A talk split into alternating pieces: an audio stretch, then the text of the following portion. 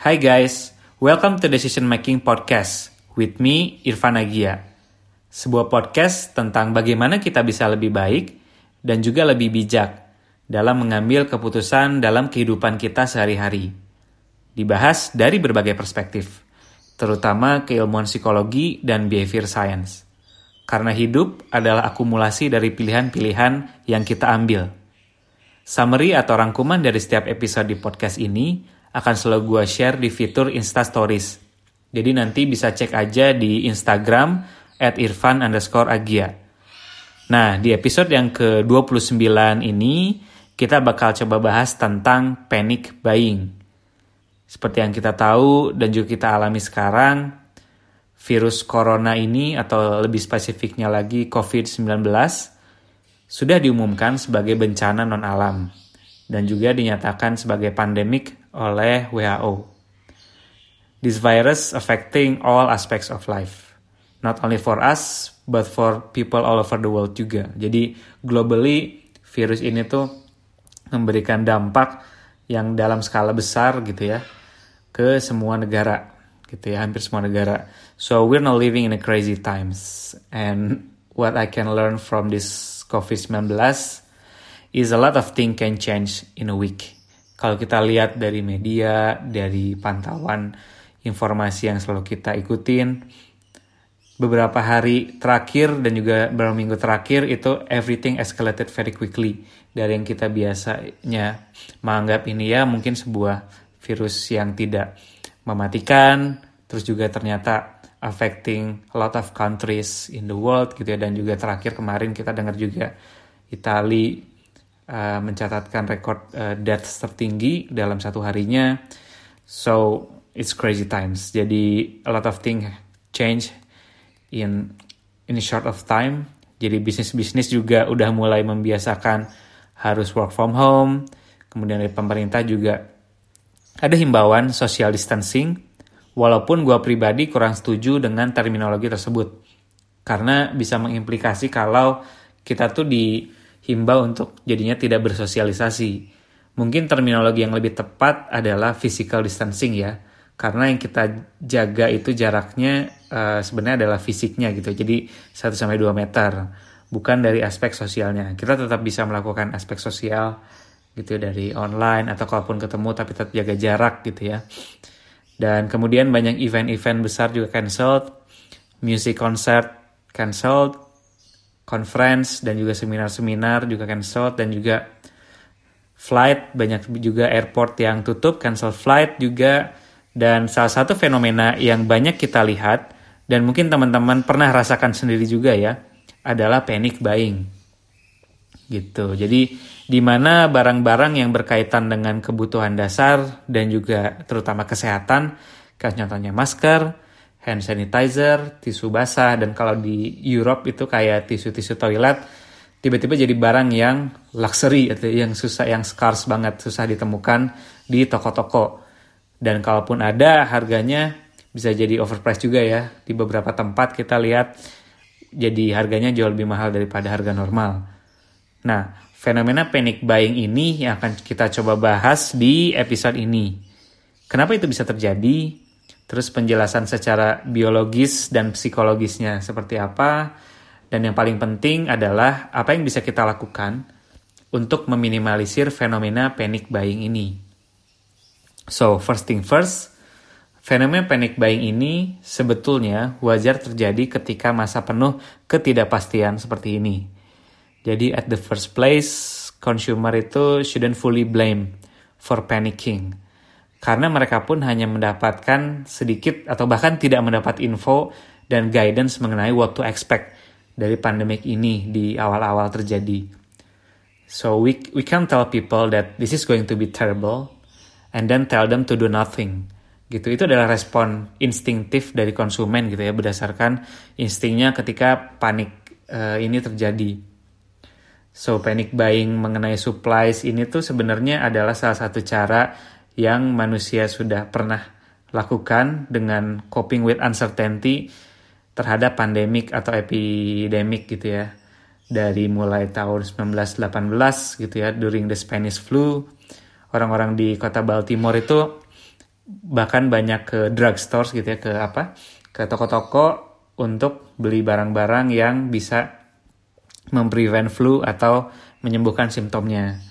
Sampai juga tahun 2003 ketika SARS juga. Nah, kita coba bahas dari sisi psikologis mengenai takut dan panik itu dulu sendiri. Jadi kita akan coba lihat the evolution of fear and panic yang menyebabkan hal ini bisa terjadi.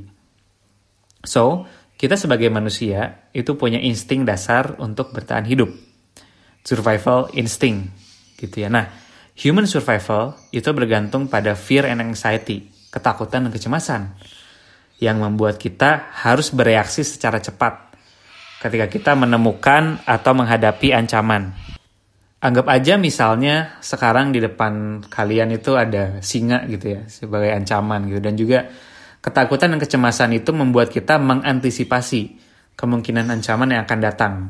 Misalnya kayak, naduh nanti di luar rumah gue ada singa nggak ya? Atau kalau malam apa yang gue lakukan untuk menghindari singa-singa ini misalnya.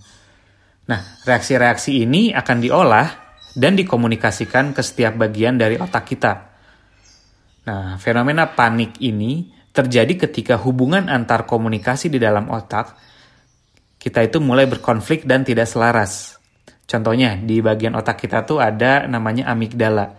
Ini adalah pusat emosional, emotional center dari otak kita yang pengen kita get out of uh, the way ketika kita menemukan ancaman, threat, harm itu immediately. Pokoknya amigdala ini pengen kita keluar dari situasi tersebut dengan cepat dan saat itu juga. It doesn't care how. Caranya gimana kita avoid uh, threat atau ancaman itu. Tapi di satu sisi bagian depan kita ini frontal cortex itu adalah bagian yang menghandle behavior response kita. Jadi kayak perilaku apa yang harus kita tampilkan gitu. Nah, si frontal cortex ini dia lebih memilih untuk menganalisa situasi yang terlebih dahulu gitu. Kalaupun kita lari ke mana gitu ya. Terus ketika kalau ketemu lari, lari itu masih ketemu singanya kita harus ngapain lagi gitu. Jadi ketika kita frontal cortex kita bagian otak depan kita tuh pengen berpikir dulu gitu ya bagaimana situasi kalau kita ketemu singa ini tapi our amygdala sini udah panik duluan, udah pengen cepat-cepat kita keluar dari situasi ini, itu yang menyebabkan panik. So panic happens when that more rational part of our brain, itu bagian frontal cortex, itu get overrun by emotion. Itu tertutupi oleh emosi. Gitu. Jadi ketakutan dan kecemasan itu sangat jelas, sangat terasa sehingga si amigdala ini takes over the decision and adrenaline kicks in. Jadinya kita hanya bereaksi secara instingtif. Gitu. Nah, apakah panik itu selalu buruk?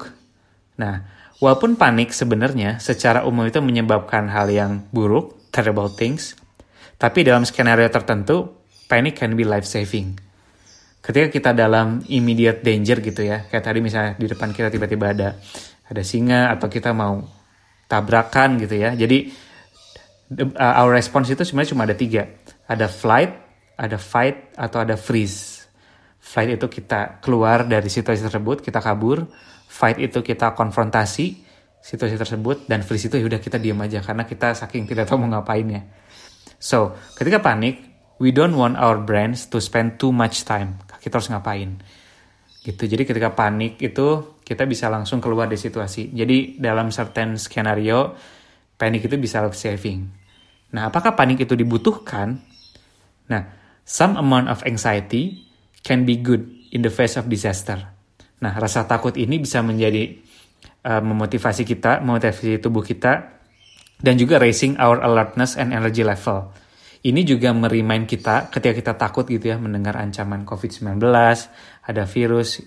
Ketakutan ini tuh mengingatkan kita untuk selalu cuci tangan, terus juga selalu rajin update berita gitu ya lihat dan dan ya salah satunya adalah stocking up esensial di toko-toko yang akhirnya leading to the this panic buying gitu jadi in short term sebenarnya panic itu juga bisa uh, membuat kita lebih alert terhadap situasi. Tapi itu kalau kita bicara short term. Kalau kita bicara mengenai long term effect, it's a terrible thing. Gitu. Semakin kita terus cemas, takut menghadapi fenomena si corona ini, akan semakin sulit bagi otak kita untuk keluar dari situasi yang menyebabkan panik ini. Dan sampai berujung bisa menyebabkan chronic stress dalam jangka panjang. Beberapa studi itu menunjukkan kalau chronic stress dalam waktu lama ini bisa membuat bagian dari otak kita shrinking atau mengecil gitu ya. Yang yang membuat kita tuh akan susah untuk reasoning atau mengambil keputusan. Gitu which can further fuel panic. Tubuh kita itu tidak dibuat untuk atau tidak didesain untuk hidup dengan menghadapi kecemasan selama berminggu-minggu atau bahkan berbulan-bulan Gitu, walaupun di awal short term panic ini memberikan energi lebih, tapi dalam jangka panjang itu bisa membuat kita exhausted dan juga depres. Nah, kalau begitu kita bahas lebih dalam lagi ya. Apa yang menyebabkan panik ini? Gitu. Nah, terutama di masa corona ini. Nah, dalam masa corona ini sebenarnya ada dua faktor besar yang menyebabkan panik seperti panic buying ini terjadi. Yaitu pertama adalah uncertainty atau ketidakpastian. Dan yang kedua adalah losing sense of control atau kita merasa tidak memiliki power untuk mengontrol situasi ini. Kita bahas dari uncertainty atau ketidakpastian dulu. Nah, walaupun dalam keseharian kita, kita ini dibombardir sama informasi dan edukasi mengenai COVID-19 ini, kenapa sih masih ada orang-orang yang akhirnya bisa nimbun masker, panic buying gitu ya. Nah, uh, ada ada researcher namanya Sonia Bishop. Dia adalah uh, associate professor psychology dari University of California Berkeley. Dia melakukan riset tentang bagaimana si anxiety ini berpengaruh terhadap decision making. Dia tuh mengatakan bahwa inconsistent messaging atau informasi yang tidak konsisten, baik itu dari pemerintah, dari media, atau dari public health authorities, itu membuat kita mengalami ketidakpastian. Ketidakpastian berita mana yang benar, kita harus seperti apa, dan ini akan feels anxiety. Jadi awal-awal masa corona itu kita menghadapi banyak ketidakpastian dari inconsistent messaging. Gitu, atau informasi-informasi yang tidak konsisten kita terima. Gitu. Nah, kita ini tidak terbiasa hidup dalam situasi di mana kita punya kemungkinan-kemungkinan yang terus berubah dengan cepat. Segalanya tuh jadi nggak pasti. Nah, ketika misalnya informasi ini terus dikomunikasi dengan tidak konsisten, banyak yang berbeda-beda, belum ada hoax dan semacamnya, gitu. Our mind, otak kita tuh akan mulai assuming kalau coronavirus ini atau this problem itu lebih buruk dari yang sebenarnya terjadi. Seperti itu. Jadi otak kita itu langsung berada dalam mental state fight, flight, or freeze. Flight, flight atau kabur ini udah nggak mungkin. Kita nggak bisa menghindari virus corona ini karena well mereka ini invisible. Kita nggak tahu uh, bentuknya seperti apa dan penyebaran seperti apa. Terus freeze juga nggak mungkin karena inaction atau ketidak uh, dibuatnya suatu behavior itu doesn't change situation. Yang bisa dilakukan adalah fight dengan cara mengumpulkan barang-barang atau hal-hal yang bisa membuat kita safe atau aman dari virus tersebut dan in the end muncullah panic buying gitu. Nah, ketika uh, panik atau fight response-nya terjadi, kita akan sulit untuk mengkalkulasi seberapa kemungkinan kita bisa terjangkit virus tersebut.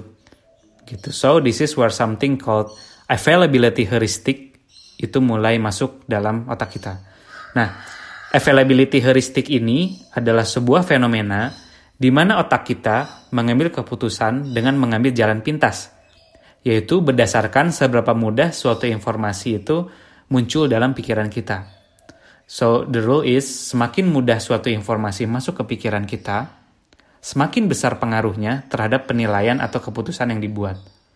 Nah, dalam konteks ini, kita sering mendapatkan informasi dari berita-berita atau Twitter, media, dan sebagainya mengenai kondisi di luar negeri, misalnya China yang melakukan lockdown, di mana mereka harus stay di dalam rumah selama dua minggu atau lebih dengan persediaan terbatas.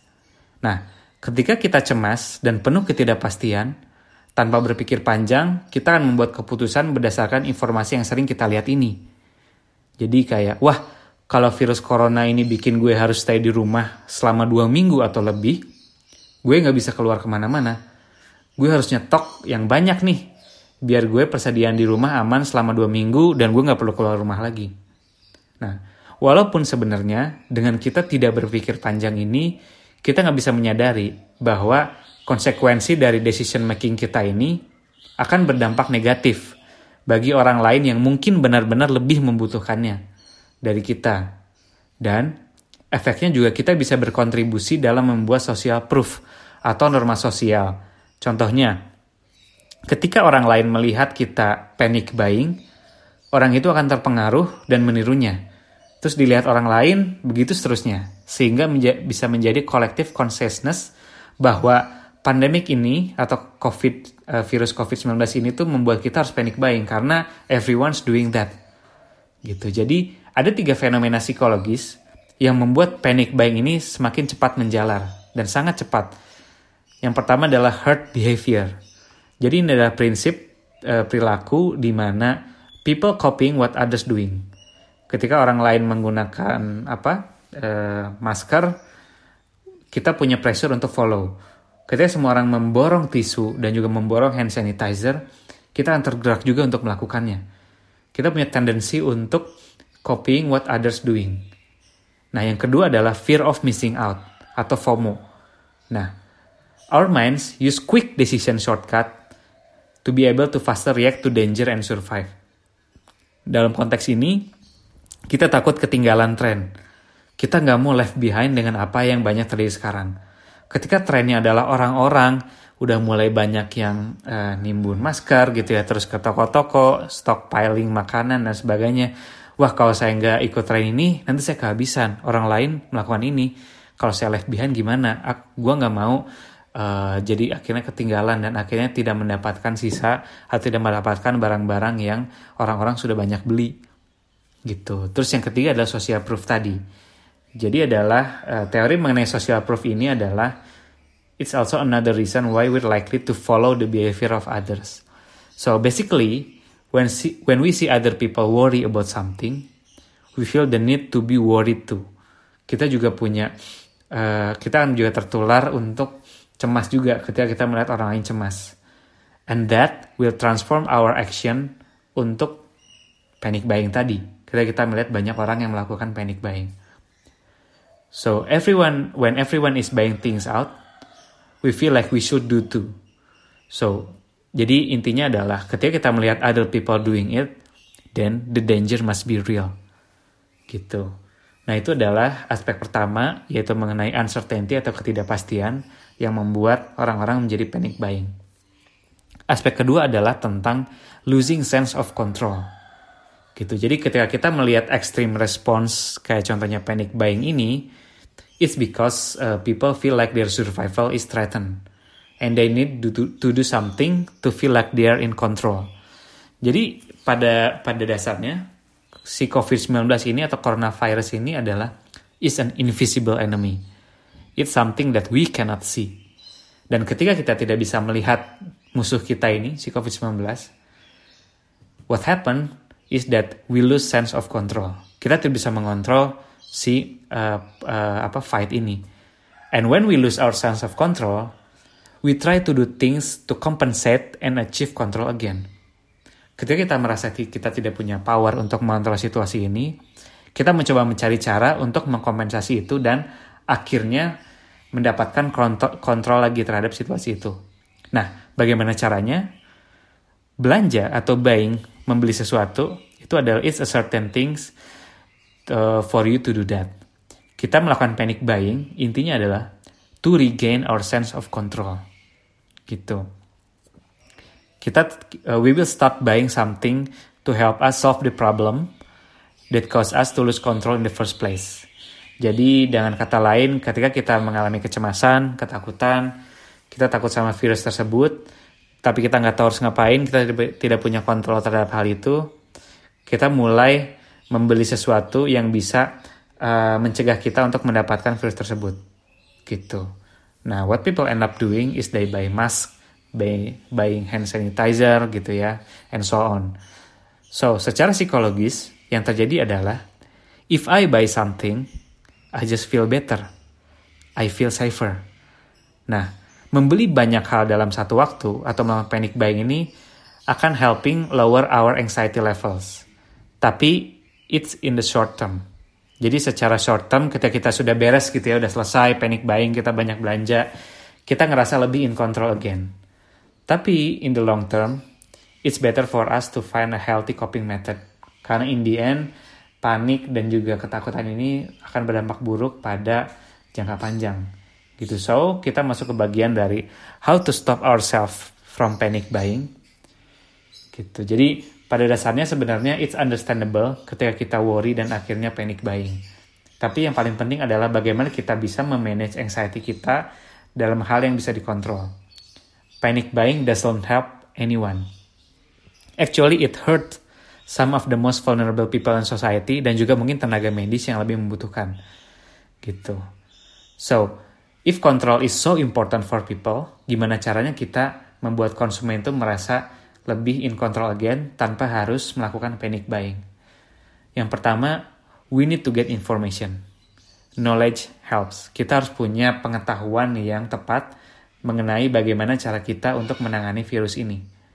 Kita harus teredukasi dan juga mengerti dengan jelas what's happening, what the virus is about, how the virus cause you to be infected, the ways you can be infected, and how we treat this infection gitu. Tapi gue tidak akan merekomendasi untuk spending a lot of time di sosial media gitu ya. Karena sosial media itu is an echo chamber akan sulit memfilternya.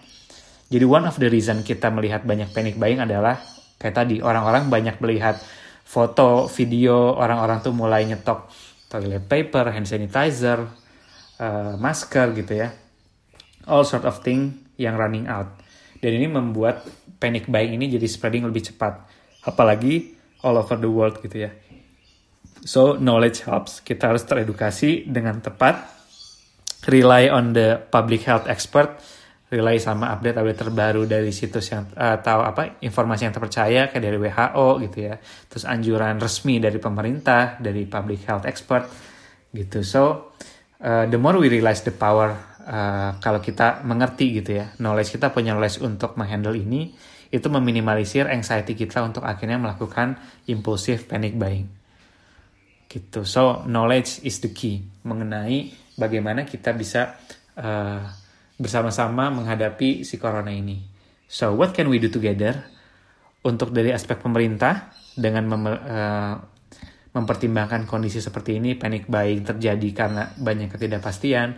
So government can actually give assurance, give data transparency, and daily update for the progress gitu yang which is sudah dilakukan juga sekarang setiap hari kita mendapatkan update dari pemerintah progresnya seperti apa dan juga give assurance kalau misalnya uh, provide safety feeling kalau ketersediaan pangan dan alat kesehatan itu akan aman dan bisa didistribusikan selama kurun waktu tertentu.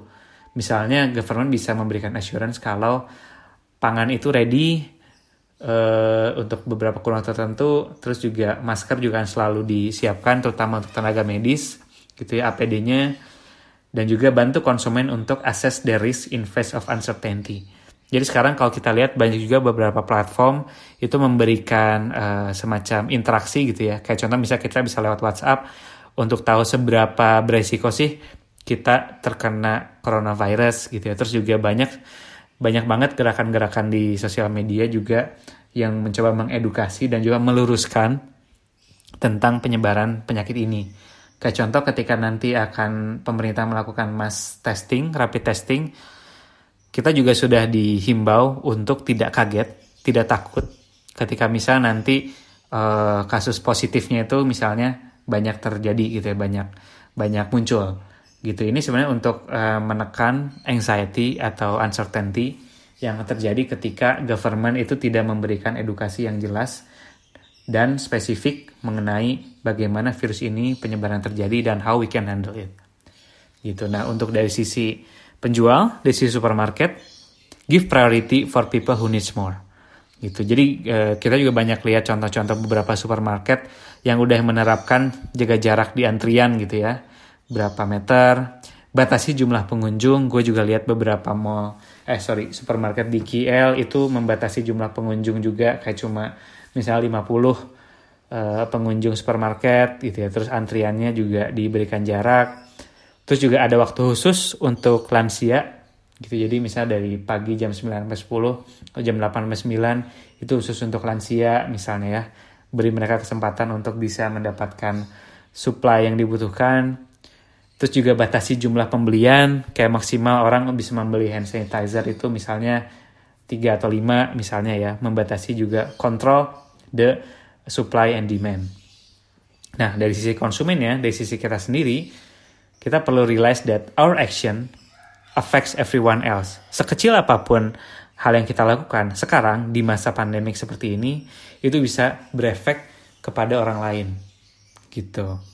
So, ketika kita melakukan panic buying, kita harus stop and think. Kita harus realize kalau apa yang kita lakukan ini mungkin kita harus perlu consider ulang karena masih banyak yang membutuhkan. Mungkin lebih membutuhkan dari kita.